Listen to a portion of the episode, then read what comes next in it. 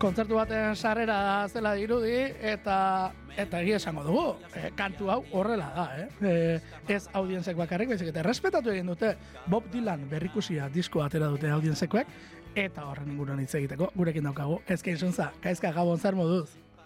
Opa, oso ondo, zuze moduz? Ondo, ondo, bueno, oporretatik bueltan, bazer esango dizut, pa, ez?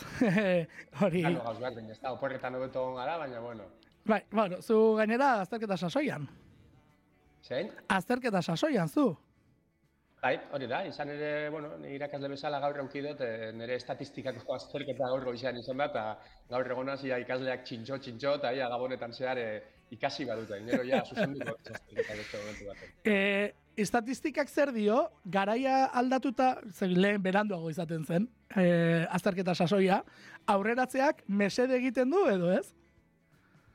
E, ez dakit, egia esaten badut nik uste dut, eh, aldagai bat garrantzitsua da lehengo azterketa egiten dutenen lehengo oso prestatuta egiten dute. Ados. Tokatzen danean zure irakasgaia azkenengoa nekatuta heltzen dira eta nabaritzen da jadanik ez dutela ondo prestatzen. Beraz, ez dakit sasoiak eragina daukan, baina behintzat lehengoa edo azkena izateak konprobatuta daukat badaukala badaukala eragina.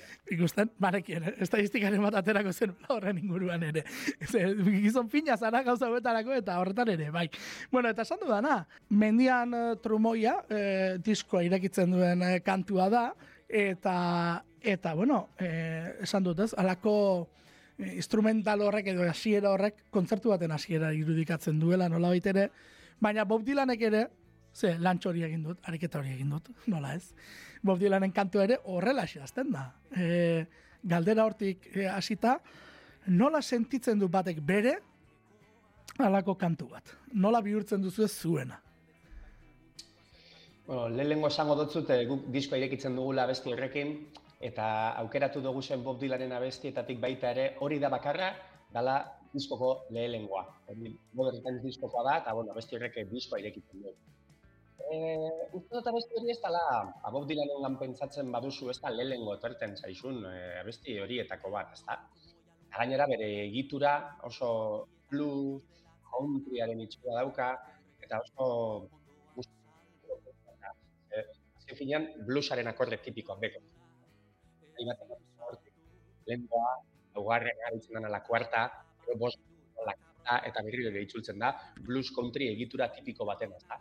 Baina gero, abesti horiek batzutan diru dute oso simpleak, baina saiatzen zarenean abesti horiek jotzen ba ez dire zain ere, Eta guk egin nahi izan dugu estilo ariketa hori, ez da? Gai gara, e, musikari amerikarrek onelako estiloak nola heltzen dituzten eta nola egiten daden soinua abestiak guk esaten duguna aminatu egiten dugu, ez da? Abestiak, e, ez dakit, e, bado aurrerantza denpora guztian tren bat bezala, ez da? Eta badirudi abesti erresa dela, baina, bueno, ba, horrelako eh, estilo ariketa bat egin du, eta uste dut apur bat azeleratu dugula bestia, ez dugu musikari bai. Amerikak daukaten pausa hori, eta gian eraman dugu swing apur bat gehiago eman da, apur bat rockabilly estilo batetara, ezta? Baina guretzat, ba, zakit, ariketa hau guretzat ariketa poliedriko bat izan da, abesti bakoitzan helburu desberdinak eukidoguz, eta mendian trumoia bai izan da, gai algara Amerikarrek egiten duten bezala, onelako blues, country abesti bat hartu, eta ez dakit sinisgarri agertzea.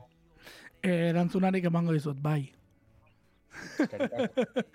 bai, ze, ze hori da, justu disko honen esentzietako bat, eta da, aurrez guk uste bagenekiela, ez? E, nola ditere, ba, audienzek folk amerikarra, amerikana, e, zer nolako gaitasuna zenuten hori sortzeko, eta zuen diskoetan argi geratu da, baina ariketa honek nola ere konfirmazio bat ekartzen du, e, esan dudan ariketa eginda, eh? E, disko entzun ez duenak, edo disko entzun duenak, baina dilanen kantuak entzun ez dituenak, hartuko balitu, e, ikusiko luke, nola zuen terren horre eman zuen, eta eta hori entzuten da, esan dut, e, saiakera hori guztia esaten ari zaren hori guztia, garbi entzuten da, eta gainera, e, ez dakit horretan ere saiatu zareten, edo, bueno, nik uste dut baietz, garai desberdinetako dilan aukeratu duzuela propio, e, zuen ere, zuen ibilbidea edo zuen ibilbide musikala ere nola ere, aldatuz joan delako, evoluzioat izan duelako, eta rock amerikarraren, folk amerikarraren, eta amerikana guzti horren bueltan, arlo desberdinetan ibilizaretelako, eta eta hori bentsat plasmatuta geratu da diskoan, edo ez dakit hori ere buruan zenuten, hau da, garai desberdinak aukeratze horren arrazoia izan den. Bai, esango nontzut, hasiera baten aukeratu genituen abestiak, nahiko era aleatorio, ez da, liburu heldu zan gure lokalera, gero egin hitz egingo dugu, Bai. Paiare, bueno, beti aitortza egin behar diogu, zebera kriston lan egin deu, pentsatzen dugu, guretzako nahiko arrasa izan dela disko hau egitea, eta oso divertigarria eta gure dinamikatik apur bat apartatzea, ezta? Baina baina aukeratu genituen lehenengo bost, lehenengo sei abestiak bai egin genuen zuk esaten duzun eh, ariketa hori. Eta izan ere, ba, aukeratu ditugun abesti batzuk direz dilanen bere irurogei garren amarkadako hasierakoak, ez da, irurogei eta irurogei eta iru, hortxe dauz garaiak aldatzen baitira, ipar neska, euri jasa latza dator, hoiek beraien bertzin originaletan dilanek abesten deuz bakarrik e, gitarra eta ahotsarekin. E, irurogei tamargarren amarkada ere joan gara, hor dauz e, zeru batea jo, e, gazte betiko, e, gualaztuko zai baten bat baita ere, esoa inora baita ere, Hori larogei garren amarkada ere joan gara, eta holtze dau Oh Mercy diskoko dena utzi da hemen, eta lehen hitz egin dugun mendia trumoia, ba bere azkenengo Bai. etapa da. Bai, bai, gainera Alicia Keys aipatzen duela. Nahi dut, ho- hor, e, adi dagoenak Bai. segituan ikusiko du, hau berria dela, ez, e, konparazioan. Bai, hori da. Eta zuk esaten duzuen moduan, guretzako interesgarri izan alde batetik, estilo guzti horiek jorratzea eta sinisgarri egitea, baina baita ere jo, entzuten baduzuz eh, aukeratu dugu zen abestien bertsinu originalak, hain etapa ezberdinetan grabatuta daudenez, beraien ekoizpena, beraien soinua oso ezberdina da. Eta Orduan, niretzat disko nekrekon balioa, eh, Dylanen repertorioa euskerara ekartzeaz aparte, da oso heterogeneoa dan eh, repertorio bat, oso desberdin sonatzen da ben repertorio bateri, homogeneitate bat emotea. Bai, eta begiraz, kasu honetan eurila salatza dator, ez, single, bo, single, guk horrela hartu genuen single moduan, guk hartu genuen horrela. E, bueno, esango dugu, e, bluseroa dela, nahiko kantu bluseroa da. E, Bai. instrumentazioa, soinua, esan duzuna ez, ekoizpena, zuek ere garaiko ematen saiatu zarete. Akaso irurogeiak baino, irurogei tamarrera gerturatzen ari da gehiago, baina irurogeietan kokatu dezakegu, irurogeitako rock estatu batuarra kokatu dezakegu, naiz eta esan duzu moduan, Dylanek hau, e, gitarra eta hotxarekin bakarrik defendatu zuen garaian. Bai, gero, bueno, Dylan jarraitzen duenak, eta gutako batzuk batez ere asko jarraitzen dut Dylan, ba, ikusiko dugu guk egin dugun bertsinoa dela baita ere Dylanen biradaptazio baten adaptazioa. Izan ere, ba, bueno, bertsino originala da The Free Willing diskokoa, eta hor dau bakarrik gitarra akustikoa eta hotza. Baina gero, irurogeita margarren amarkadan deko bira oso famatu bat, dela The Rolling Thunder Review, orain dela gutxi baita ere dokumental oso famatu bat atara da, non aurpegia Bai. zuriz pintatuta eramaten duen, eta bueno, oso jira mitikoa da Dylan salentzat, eta besti hau jotzen dugu bira horretan talde guztiarekin rock kutsua emanez. Beraz guk, bueno, egin dugu Rolling Thunder Reviewko bertsino atera dugu, eta Dylanek egiten daben adaptazio horretatik, ba, gurera ekarri dugu. Beraz, an- antz gehiago dauka, hamarkadaren hamarkadako Claro. bira honetako zuzenekoarekin bertsino originalena baino. e, kantuak intentsitatean gora egiten du, ze kantu errepikakor bada, bukle bada, ez? Buelta eta buelta eta buelta, baina hor dinamikarekin jolastu behar da. E, hor Dylanek baino dinamika gehiago sartu duzela esan dezakegu, ezta? Bai, nahiko suabe hasten naz, eta abestia aurrera doan inean, azkenengo bi estrofatan gora nator, eta jo, nik gainera gogoratzen dut estudioan nola bukatu nabenean, ba, estudioaren beste aldean taldekidek txalo eman zuten, eta zuten, jo, eh, oso, oso dinamika handia. Eta zuk esaten duzun hori Dylanen abestiak, ez bakarrik hau, baina Dylanen abesti gehienak oso lirikoak direnez, eta Bai. letretan oinarritzen direnez, eh, musika nahiko errepikakorra izaten da. Eta musikak ba, buklean eh, egiten deuz abestiak. Eta hori, ba, audientzek musika egiteko duen estiloarekin, apur bat kontra esankorra da. Eta zuzenera eramaterakoan abestiak, ba, horretaz konturatu gara. Ze audientzen abestiak, toki batean hasten direz eta eremu Claro. claro. desberdinetatik erameten dugu musikalki. Eta Dylanenak, ba, bukle batean sartzen zara, eta saiatu behar zara, ba, abotzarekin, letrarekin, espresatzen beraz hor, bai euki duguz gure kontraesanak batez ere zuzenekoa diseinatzerakoan. Begira, e, zuzenekoa, bueno, bat eman duzu dagoeneko kafe antzokikoa, e, pentsatzen dut oso pozik geratu zinetela kafe antzokikoarekin, ez da? Izan zen gau bat guretzako magikoa. Ze, bueno, proiektu berri bate abiatzen duzunean lehenengo kontzertua garrantzitsua izaten da, ezta? Eta antzokian izatea, eta bueno, urbildu ziren gure betiko lagunak, hogeta bost urte hauetan egin dugu zen jarraitzaileak, ikusi genuen baita ere, ba, prentza, ba, baita ere hor, hor egon zala guri eh, bate apoia moten, eta bueno, gauzak eh, oso ondo atera ziren, eta dekogu oso oroitzapen polita eta indarra monduzku babirarekin jarraitzeko. Begira, gara hitz egingo dugu horretaz ere. E, euri jasalatza dator ere itzuliz, e, konturatzen zara, e, da gero, behin jat disko zentzun da e, egiten dut iruzkin hau, eh? baina da, e, nahiko letra tetrikoak modu alaian kantatzeko ze joera duen dilanek. E, zuk hori hobeto zagutuko duzu, baina letra nahiko tetriko eta ilunak ditu. Bai, e, ni zuzenekoetan eta askotan esaten dut nola, abesti hau, irurogei urte pasatu diez. Abesti hau da, irurogei eta bi irurogei eta iru gara horretakoa. Eta, bueno, irurogei urte pasata, emoten dugu, e, atzo bertan e, idatzi zala, ez da? Zeren, dilanek beti esaten du abesti honen kontestua dala, ba, bereiek bizi izan zuten gerra nuklearraren mehatxua, ez da? Horre, Errusia estatu batuen gerra hotzaren mehatxu hori, etengabeko misilak bata besteari begira, eta kontestu horretan egiten dut, ez da, eta bueno, zuk esan duzun duan, esaldi batzuk direz, jo, pistola eta espatakumeen eskuetan, bat goze handiz, amaika barreka, mailu gorridun gizonen gela bat, eta jo, esan letra oso oso gogorra da? Eta, eta bai, nik kantatzen dutenean asko sentitzen dut, zeren, e, ez dakit, pentsatu dezaket e, Palestinan, edo pentsatu dezaket gaur egunean e, dauden eszenario bellikoak irekita, eta bueno, irurogei urte pasa, eta eta garaiak ez dire zain beste aldatzen. Ez, ez, eta akaso protestak bai, ez, hori ere, bai. esan beharra dago, ze irurogeietan protesta gehiago akaso izaten zen, gaur egun egiten dena baino, hori ere, ez, dilan, izan delako, protesta hauen e, ba, bandera hartu den horietako bat beti, ez da? Bai, izan ere, bueno, irogei garren amarkadan bera izan zen kanzion protestaren lider hori edo berari hori jarri zioten, baina, bueno, Gero Joan Baezek esaten duen bezala, ez espero Dylan manifestaldietan, ez Joan Baezek esaten duen, ba. Manifestaldi guztietara doanean mundu guztia galditzen Eta Dylan, eta Dylan, Dylan ez datuen manifestazio, oi, eta berak uko egin zion, berari, ba, eman zioten pa, paper horretaz. Claro. Bai, bai, bai, eta gero ikusi dugu, ze babes politiko eman izan dituen, eta, bueno, hori guztia, badakigu, aski ezaguna da. Bueno, gazte betiko kantua, eh, nik uste dut hau asieratik entzun behar dela, ze zeinen gozo etortzen den.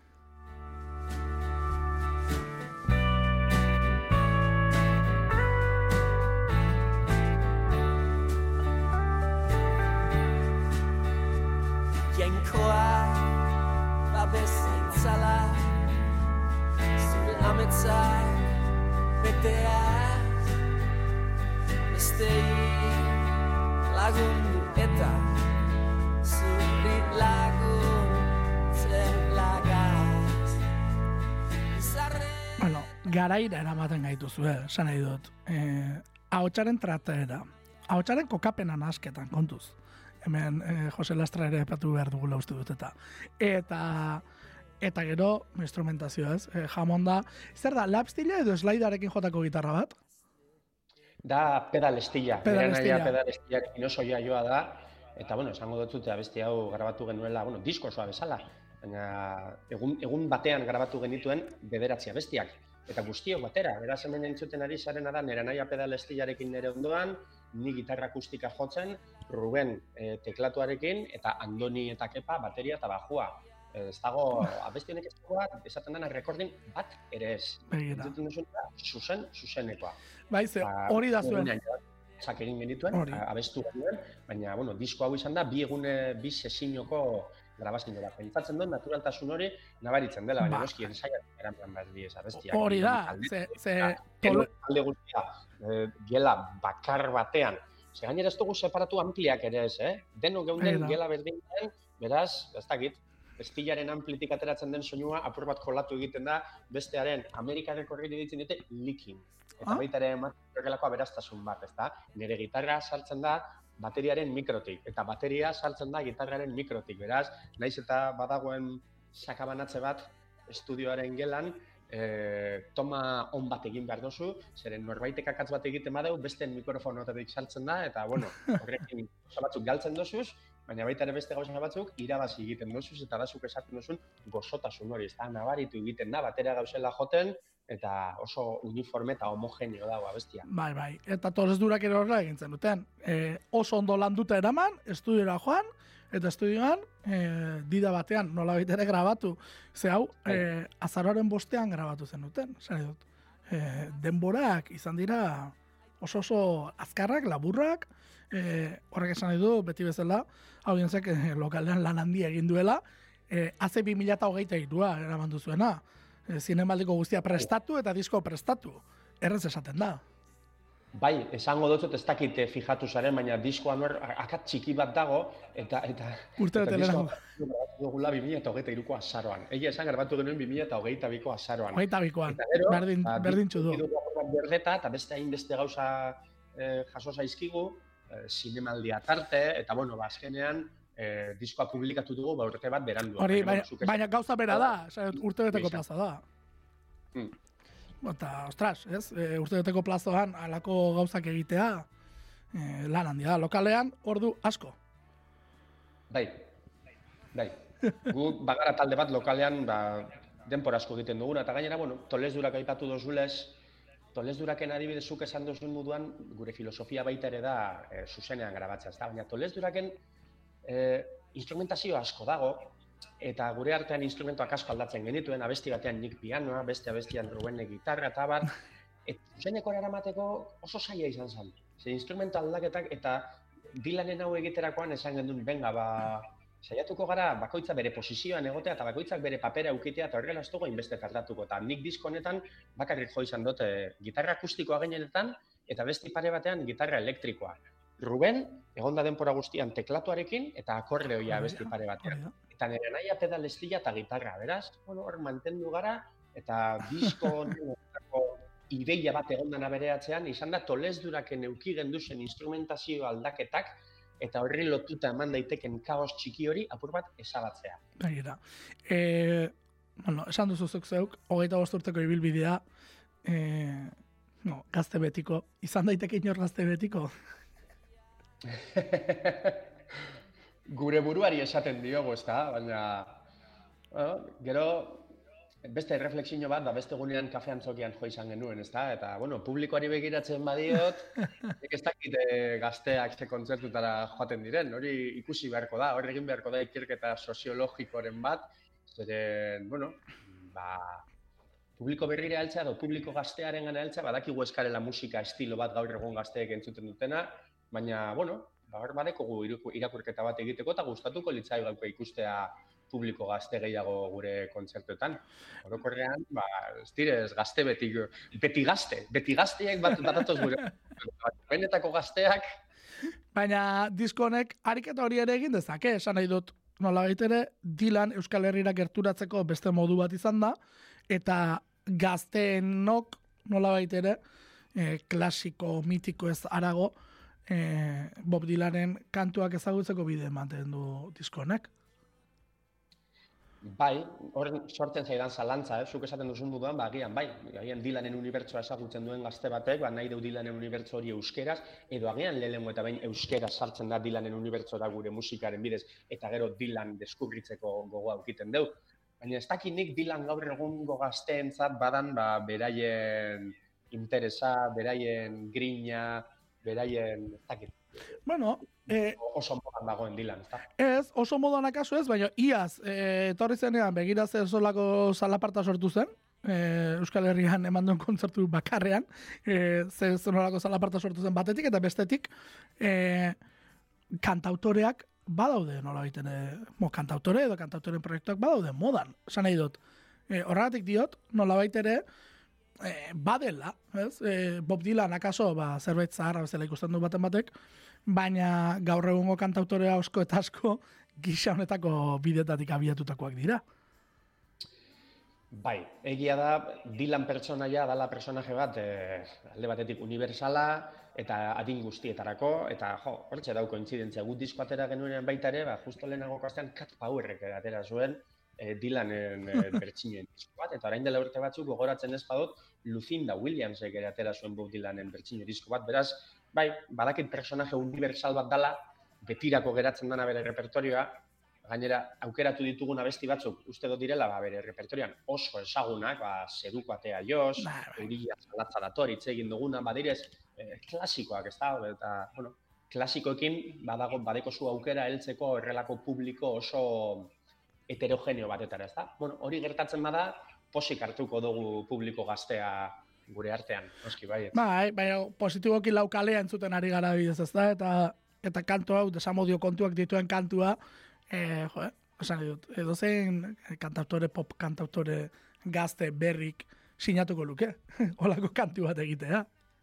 Bai, bai, pentsatzen du baiet. Zu fijatu zaitez gainera besti hori, Dylan entzat izan zala deskarte bat. eh, besti hori ez dago disko ofizial batean, bez? Atera zuen greatest hits batean. Abesti hori da bere garai onenetako, azta irurogeita bost, irurogeita zein, non egin zituen bere hiru disko garrantzitsuen. Bai, Highway 61 Revisited, Bringing It All Back Home eta Blonde on Blonde. Baina erabaki zuen abesti hau ez sartzea ba, disko baten ere, ez da gero horrelako errekopilatorio baten abesti hau atera zan, bere bootleg series famatu hauen ba, aintzindari bezala, ez da? begira, begira. Eh, hau bada kaso audienzen unibertsotik gertuen dagoen kantua, izan daiteke? Mm, posible da, ez dut ariketa hori egin, eh? zein dagoen hori supertxotik gertuen. Honek ere lehen esan dugun bezala, esango notzun, jo, hau ere da bizti bukle bat, eta Bai, bai, hori bai. Espado txalto gogoratzen amabost estrofa dekoz. Amabost estrofa, beraz hemen ere abotzarekin apur bat evoluzionatu behar duzu, zeren, bueno, guk audien zoituta gauden musikatik diatuta, ba, ez dakit, amabost estrofa berdintxu errepikatzea, ba, baita ere sai egiten da, baina, karo, hitzei erreparatzen diozu, eta hitzak direz, hain, hain barrura heltzen direz esaldi batzuk, ba, jarraitzen duzula abestia entzuten, eta ez dakit, bukle horretan erraz sartzen zara. Bai, bai, eta dena utzi da hemenen, zer esanik ez, ze begira nola sartzen zareten zuek.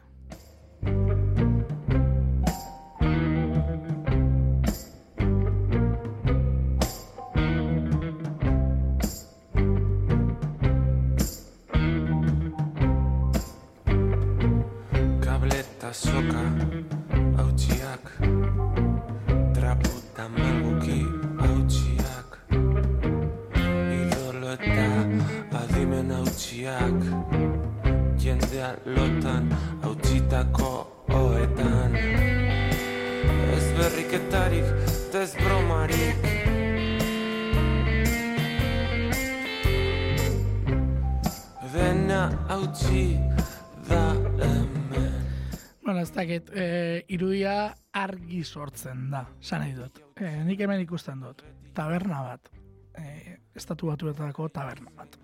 Nahi baldin baduzue, e, mitu gehiago sortu nahi baldin badu, nahi duenak sortu nahi badu, salun bat. Borroka bat egon da. Eta borroka ostean dago tipo bat barran bere trago edanaz hau kontatuz. Nik hau ikusten dut kantu honekin. Bai, eta, eta komentatu dozun hori niri gogoratzen dozte, gogoratzen dozte, ze apur bat Tom Waitsen mundua, ezta? Baita. zigarro bat. Hori- hori- Gauaren gea, bai, izan ere abesti hau da, Dylanen e, bertsio originalari begiratzen badiozu, gehien aldatu duguna. Bai, Era ez da, eh, abesti hau Dylanen repertorioan ere ez da bat ere famatua. Aukeratzen baduzu Dylanen berrogeita mara abesti famatuenak, hau ez dago hoien artean, ez da? Eta guk eman diogun ambientea bada horrelako, zelan esan, blues bastardo bat bezala, Bai, bai. blues ilun bat. Eta espazio asko deko abestiak.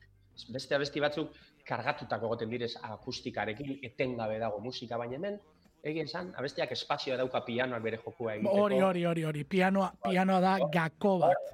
Tom Waitsen, Tom Waitsen tankera apur bat eman diogula pentsatzen dut, eta zuk egindako irudi hori, ba, nik, nik ere ikusten. Bai, ze hor, e, gero pianoa sartzen den unea, zeinen ondo sartzen den, gitarrak espazio ematen diotelako.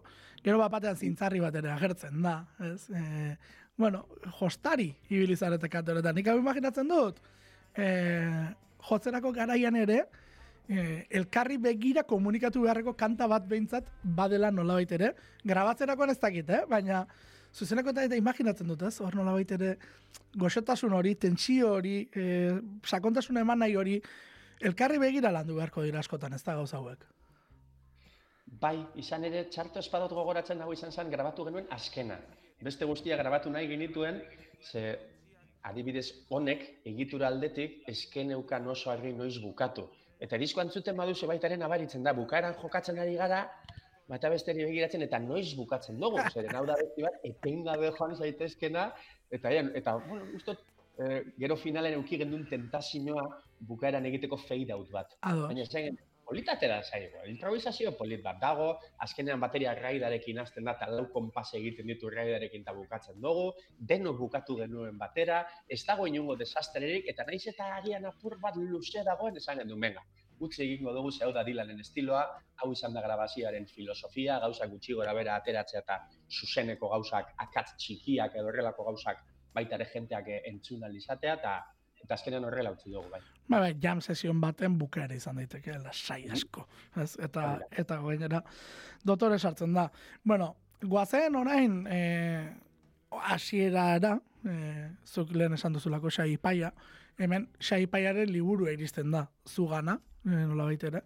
eta hortik, eh, disko bat egiteko ideia eh, taldeari pasatzera, zenbat demora pasatzen da. Esan dut. Eh, Noiz hartzen duzu erabakia? Hemen disko bat egin daiteke. Bitu, hori baino lehen, hori baino lehen, ba, tolesdurak disko 2008 garren urtean kaleratu gendun, eta, bueno, astu egiten zaigu, baina pandemia garaia zan. Bai. Ia egin genuenean gogoratzen dut, ba, pandemiako murrizketen etapa guztia gainditu gaindituela, lehenengo eta ben jentea maskarillarekin eta eserita eta distantziarekin, gero bat batean distantzia murriztu egin zan eta jentea sutunik egon ziteken kontzertuetan, baina maskarillarekin, Mhm. gero maskarilla kendu zenezaken bakarrik barrara basoaz eta daten, eta gu guri guzti hori e, zuzenean bizi izan genuen e, birarekin. Torten, geratu ginen, ah, ba, bira hori esan, ah, eta askotan egiten dut bezala, lokalean sartu ginen. Eta apur bat, ba, divertitzen azteko hasi ginen bertsinoak egiten. Ah, begira. Eta dut, hasi ginela ba, marlaneganen bertsino bat egiten, ze pandemia nil egin zan, eta, bueno, jo- jok jolasten hasi ginen musikarekin. Ez mogen bertsino bat egiten gendun, lantxopen bat, eta gure referenteak, ba, bueno, lokalean jolasten hasi ginen. Eta egun baten Ruben etorri zan liburuarekin.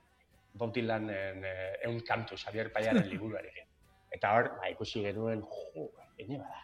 Hasi ginen lehen aukerak eta izan zen oso aleatorio. Ez da, ia, ba, venga, zeruko atea joz da oso abesti errez bat jotzeko. Akordeak badakizkigu. Bai, Venga, me cago en Dios, enkajatzen dugu perfecto.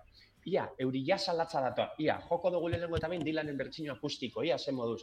Eta joder, enkajatzen dugu perfecto, eta hasierako abesti guzti horiek atera ziren inungo erreflexiorik barik, inungo disko bat ateratzeko helbururik barik. Baina bai, gure urrengo ensaioetan hasi ginen dilanen liburuarekin gerota sakon hau, gerota sakon hau, gerota besti gehiago saiatzen, eta ikuste gendun ba hor material bat zegoela. Heldu zen momentu bat, ba, taldeko barreak, ez da, esaten genduna, me cago en la leche. Hau guk egin behar dugu beste inork egin baino lehen. Ez da, jaltzen zara puntu horretan. Hau, Norbaitek eginen behar gara Euskal Herrian, izan behar gara gu.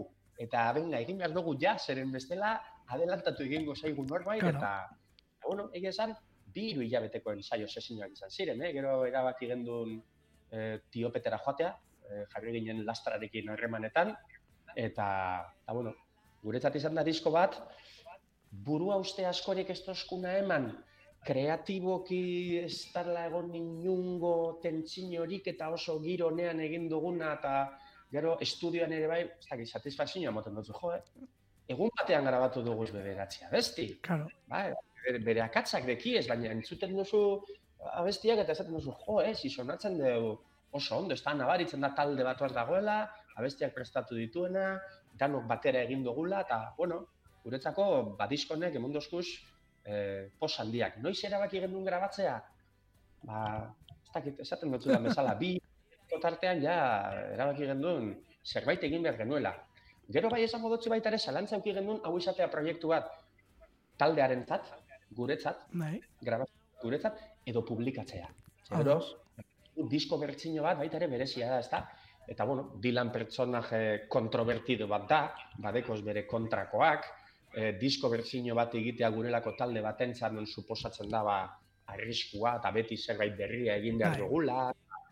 Baina, bueno, ba, komplejo asko kendu egin dugu gainetik, eta pentsatu dugu, ba, albertu dugunaren emaitza jentak entzu behar labela, eta beraz, ba, publikatza erabaki genuen. Eta nahi duzuen egin duzuela, eta hori garrantzitsua da. Eh? Horrek balio du nik dut, gehi, zuek nahi duzuen erabakia, zuek nahi duzuen moduan hartuta. E, iritsi, ez dakit, karo, e, hau botako dizut. Dilaren gana iristeko modurik baduzue, edo iristeko asmorik baduzue, diskoarekin. Sa nahi dut, zuek egin duzen hau berari helarazi, eh? Ez da izari esaten beste ez egiz erokeria, eh?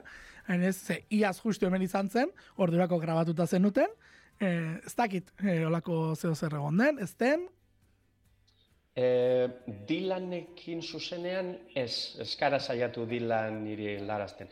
Nik esango dut bai egin dut zela telefono dei batzuk, baina, eta hor txiko dut, gero off the record kontatuko dut nahi baduzu kuriosidadea. Baina nik bai egin dut ez deiak, e, ba, e, Sony Musicera, ze badakizu Dylanek bere repertorioa Sony Musicera e, saldu zuela pandemian zehar, eta bueno, ba, nik ikusi nahi nuen ia, ba, Sony Musicekri komunikatu nahi nion guk proiektu hau geneukala, eta ia nola zuten, beraz, alde horretatik, izan gara guztiz irekiak, transparenteak, eta egin dugu deia esanez proiektu hau geneukala eskuartea. Gero off the record nahi Bai, bai, bai.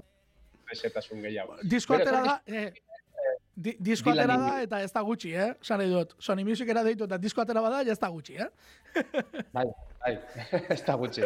Eta gero, Dylan ere, jo, ba, Dylanek jo zuenean zuk esaten duzun moduan eh, kursalan egin zituenean bidatak, oraindik diska zegoen bere formato fisikoan. Ah, Jadanik claro. egin geneukan diska, baina orain- oraindik esken neukan eskuetan. Bestela jo, niri garren filan egon nintzen kontzertu botako Bota egingo zen. Eta morbo hori, fan morbo hori oraindik badekot, eta Dylanekin batez ere, ezta? Urteekin musikan galdu egiten duzu zure eroiekiko dekozun miresmen hori, eta batzutan gauzak desberdin ikusten duzu, baina badagoen horrela ikono bat, niretzako dana musikaren ikono bat, eta hogei garren amarkadako ikono handiena, ba niretzat Bob Dylan da, ezta? Beraz, bueno, momenturen baten agian planteatuko gara, ia euskerarekiko morboa dekon, eta, ia, Eta Bai. 2010 gainera helagaz helarazi genion Aseikin galgo diska, bere managerrarekin egon ginen azken rock festivalen, Bai, eman genion gure diska, berak esan zigun dilani emango ziola. Beraz, bueno, aukeraren bat badauen, ni zirrikitu horretatik edo ateren bat irekitzen bada, ate hori irekita badauen pasatuko naz. Eta Bai. bestela, ba, bueno, bidaliko diogu bere managementera edo agian saiatuko gara, zergaitik ez. Gu-. Agian gero bi txubidak eskatuko dizkiguta dirua, edo agian barregarri irudituko zaio eta majo irudituko zaio, eta agian gustatzen zaio. Nor, nor, Bai, hau, esaten izu, ze, bueno, badakizu e, zerak ere, txumamurugarrenek ere, e, zera, e, gaualdia diskoa atera duela, nik keifena. E, bueno, oktura matik. Badakizu diskoetan nik ere parte hartu dutela, Bai, karo egia da, egia da, karo, karo, aztutan eguen, aztutan eguen. Eta badakizu nik keifen emaztearena. badakit, badakit. Horregatik nion, aizu, ba... Hori, Ba, baina Dylan personaje bezala, ez, ez dut horrelako erantzunik, espero inola ere, Xavier, inola ere. Hori, zalantza guztien, kanpo. Beste gauza bada, momenturen baten guk bidaltzea, bidaltzeagatik, edo berari komunikatzea, edo saiakera bat egitea. Baina horrelako deklarazio bat, nik eifen emaztak egin duen bezala. Hainbestekorik akaso ez, baina... Horrelakorik ez dugu ez guk espero hori Ez, bezala, ez. eta Euskal Herriko entzulek ere ez, dutela hori espero, eh? Ez, bai, gehiago, Gogoratu, gogoratu jo zuenean donostik ondartzan, jenteak oraindik kabreatuta dau berarekin, zeren ez zuen eskaixo, Claro. Mikel Laboarekin esa, ez zuen horrelako feedback izan, ez da pertsona bat horrelako feedback bat emongo dutzu. Bai, bai, bai. Ez, gehien bat esaten nuen, akaso eh, elkarrezketaren batean aipamenen bat, horako zerbait gehienez ere, nik gehiago ez nuen, espero, eh, esan dut. Eh, eta ez esatea ere, taldearen izen ere, akaso, bai, bai esatea, ah, bai, Euskaldun batzuk egin dute disko bat, ez, hori, akaso iritsiko zaiola, baina, bueno, zuk esan duzuna, nahiko hermetikoa den pertsona bada, eta, bai. eta ze, ze hori, bueno, kontatuko dizut baita ere, nik buruan dudan, eh, buruan izan dituen ideia, hola, tartek etortzen zaizkigu, ba, guri ere ideia batzuk. Eta Dylanekin sortu Aha. ditzen bat, hori ere kontatuko dizut, zuri, zuk besteak kontatzen didazu bezalaxe. Vale. Bueno, gaiak aldatu, aldatzen baitira, hau bai dela gizarteari kritika egindako Ge, kritika, osea, gizarteari kritika zuzen zuzena. E, karo, zen garaitan dagoen idatzita ere ulertu behar da, baina gaurkotasunean ere fontzena dezaken abesti horietako bada. Bai, noski bai ez berriro ere irurogei garren amarka da, eta nik uste dut hor, eh, lehen esan dutzudan bezala, ba, eh, eskubide zibilen garaia da estatu batuetan, ez da? Eh, ez dakit hortik guda hotza, Vietnameko guda, generazio berri bat gauzak era berrituan ikusten zituena eta garaiak aldatzen baitira, ba, esentzu horretan dago, ezta? Baina berriro ere, ba, Dylanen letrak eh, unibertsalak direz, eta berak ere, beti esan dugu, inoiz ez duela bere abestietan, naiz eta kontestu jakin baten ondo funtzionatzen duen, inoiz ez du esaten ze garaitan dagoen. Claro. Eta beste ez dago erreferentzirik, ez dakit, aipatuko bazu, Vietnameko guda, baina danek ja txertatuta zauz eta lotuta Hoi zauz garai baten. Bilan oso askarra izan zen bere letrak egiterakoan, eta naiz eta kontestu horri oso ondo lotzen den aldaketen garai bat irurogei garren hamarkadan, ba, gaur egun ere letra entzuten duzu, eta eta baita ere, a, garaiak aldatzen baitirez. Bai, bai, ez dago, ez dago dudarik. Eh, Generazio, tal, generazio arteko talka beti emoten da, ezta? ba, bai, Eta gaur ere generazio talka bat, eta musikan baita ere, ezta? Bai. Estiloen talka, generazio berri bat eh, euskal musikan, eta... bai, bai. Eta hau berriz, eh, kantu folki, ba, bai, esan? Kontestu ezberdinetara Ah, bai, bai, noski. eh, eh, Noski, hau kantu folkagoa da, nola ere ez. E, nik ala ere kontekatzen dut e, mendialdean, Ameriketako mendialdean. Ez dut, e, karo, bat ematek harmonik entzuten duena segituan Southern Rock eta horrako gauzak etortzen dizkio burura, baina nik hau gehiago e, Amerika berde horretan, ez? Zuaitz erraldoiak doden e, Amerika horretan e, kokatzen dut. E, Dylanek, e, bueno, gero esaten da, egiten duela, nola da, e, ai, ez zait, ro, e, Heartland Rock egiten omen du. Esaten dute Bruce Springsteenek bezala xe. E, Aha. nolabait ere badela errotutako Ameriketako beste zonalde batekoa, ez? E, non baso mutilak eta horrelakoak gehiago ikusten diren, ez dakit. E, iruditeri horretan eramaten hau, ez dakit zuk non kokatzen duzun kantu hau, eh? Eh, bueno, kantu hau, bere bertsino originalean noski, eh, irurogeita bi, irurogeita baidiko epoka hori, oso abesti ezaguna. Eh, gure bertsinoa ekarterakoan, adibidez, egin dugu aldaketa bat, eh, badakit melodia errespetotu dugula, eta nik uste dut gure abestia entzuten denean, guztiz identifikatzen da Bob Dylanen abestia. Edo zein Mhm. kasutan, nahiko tempo berezi batetara eraman dugu abestia. Izan ere abestia dago en un 5x4. Eta Dylanen abestia da 4x4 normal bat, beraz, nik uste jenteak lehenengo aldiz entzuten da benean, melodia jarraitzen du, eta bestia badakin nun dauen, baina guk badekugu momentu batzu non despistu egiten dugun jentea. Zeren erritmoa, ba, da gauza bat guk asko egiten duguna, batez ere audientzen hasierako etapan, ezta? Bai, Edo zein kasutan, naiz eta e, tempoa, abestiaren metrika da 5x4 bat, e, hortxe dago horrelako bombo bat etengabe doan atzetik. bai, Eta horrek bai ematen dio, nik uste dut abestia bilakatu dugula apur bat, horrelako kuadrillan abesten dan, kuadrilla irlandar bat, Begira, ondo. besoetan, eta celebrazio puntu bat Irlandakoa, eta nik uste bai eramaten doztela horrek, zuk esaten dozun Highlands, edo, edo Bai. esaten dozun horretara, ez da? bai, Zer, zerbait ruralagoa, ez da, esain irikoa, edo zerbait askoz ere ruralagoa. bai. Ah, hori da nire ustez abestiaren klabeak, ezta? 5x4a, melodia mantendu egiten dugu eta oso identifikagarria da, baina bai da celebrazio abesti bat, kuadrillakoa eta taberna irlandar batean, kaina batzukin, garaiak aldatzen baitira. Begira. Begira, bai, bai, bai, eta aldatzen dira, aldatzen dira ez behiri gabe. Gero, iparaldeko neska dator, eh, garaiak aldatuta, akaso letra ez dakit nola egingo lukeen, eh, dilanek, eh, bueno, esan dut, ez da, ez da zera, eh? baina, bueno, iparaldeko neska ditzen dio, eh, crash bati egineko abestia da, argi eta gaurrik gaur egun crash esango genuke, orduan ez dakit nola esango ote zuen, eh, Bai. eta, hau bai, eh, oso hegoaldeko iruditu zaidala, bai rifa, bai kantua, bera, Southern Rockera gehiago gerturatzen dela iruditu zait. E, gerora, ez, bueno, ba, mundu mailan edo estatu mailan, ez, e, ezagunak egin diren, nizerakit, Manfred Sons, edo eta La Moda bezalako taldeek, nik uste dut, e, kantu hau, edo estilo hau, erreferente bihurtu dutela beren musika egitarako garaian. Zuek, ona etorri zarete. hau desberdina da, ez? E, Dylanek ekarri zaituzte musika honetara. Mm, Bai, berriro ere bertsino originala eh, gitarra akustika eta eta hotzarekin egiten da. dugu. Eta guk banda soinura doitu dugu, ezta? Zuk esaten duzu gainera, eh, Manford and Sons eta referentzi horiek, adibidez, akorde hoia nahiko presente da beste. Bai, ba, horrek egiten du. dio.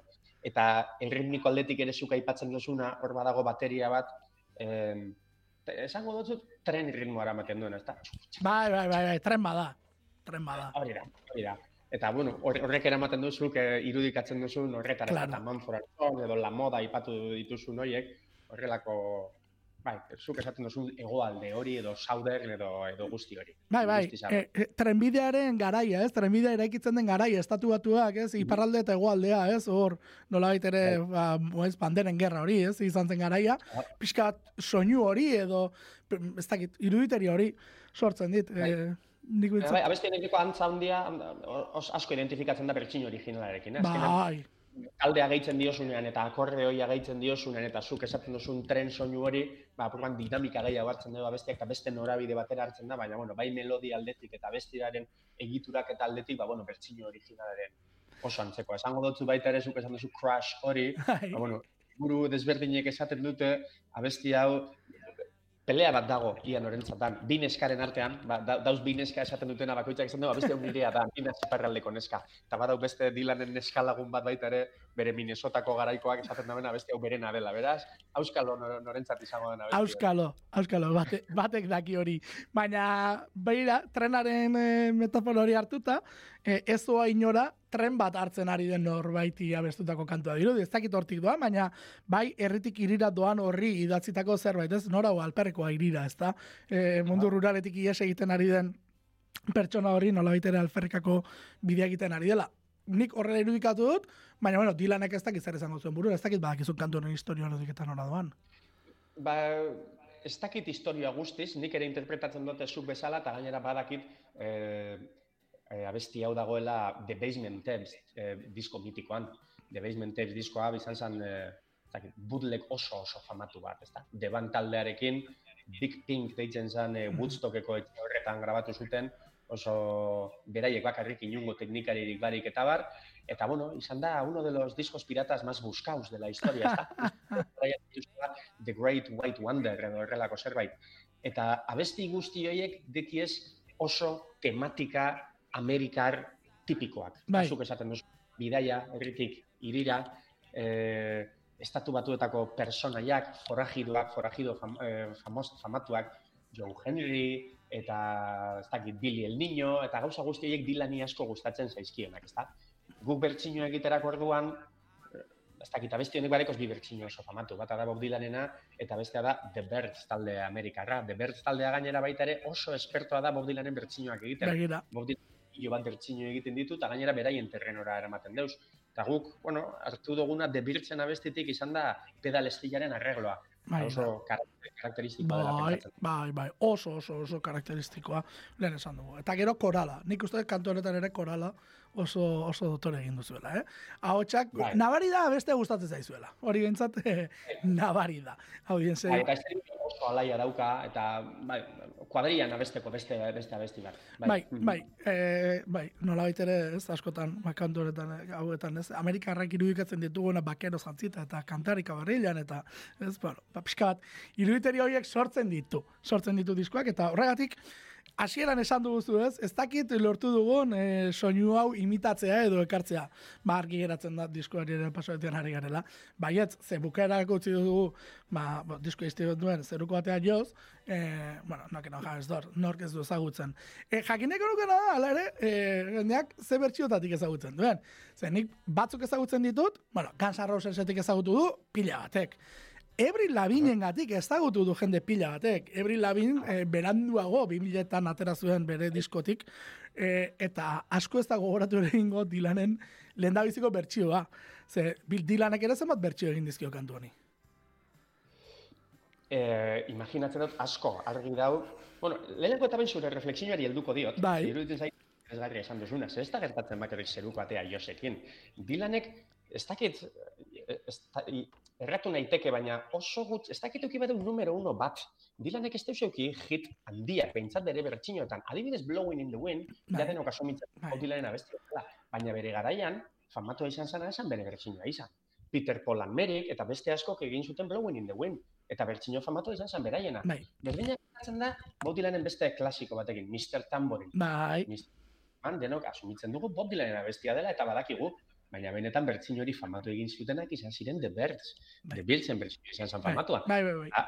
Batea joz, denok asumitzen dugu, danok dakigu Bob Dylanen abestia dela.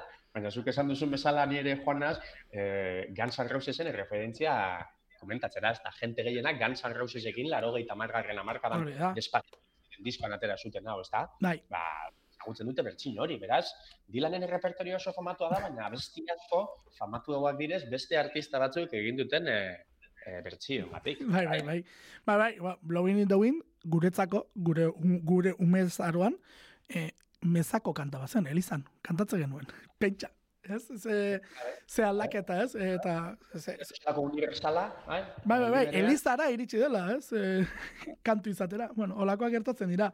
Baina, bueno, kantu hau, bertan fidel mantendu duzu, e, Xabik ere errimarekin eh, ondo jolastu du hor, ez? Eh, Knocking on Javen's Door, ez? Tok tok zerukatea joz, ez? Eh, bueno, errespetatu du fonetika eta guztia errespetatu du kasu honetan. Eta orain zuzenekoak esan ditugunak, ez? Eh, bata eman duzue, urrengoan ez duzue. Ze hau zuzenean entzun behar du jendeak.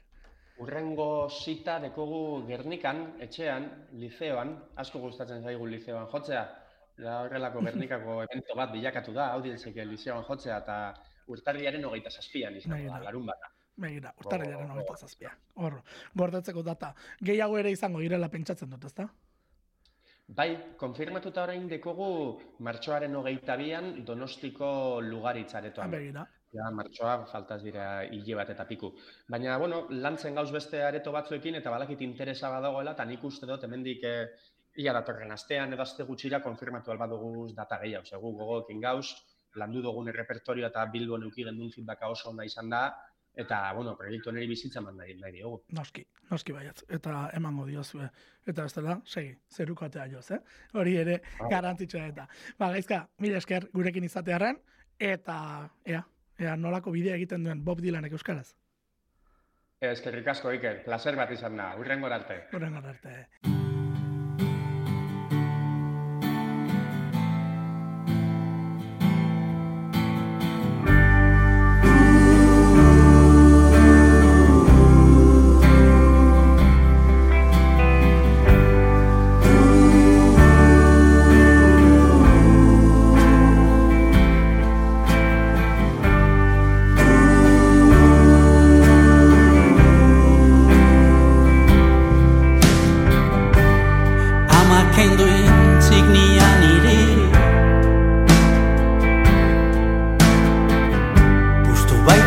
Baitzai balioz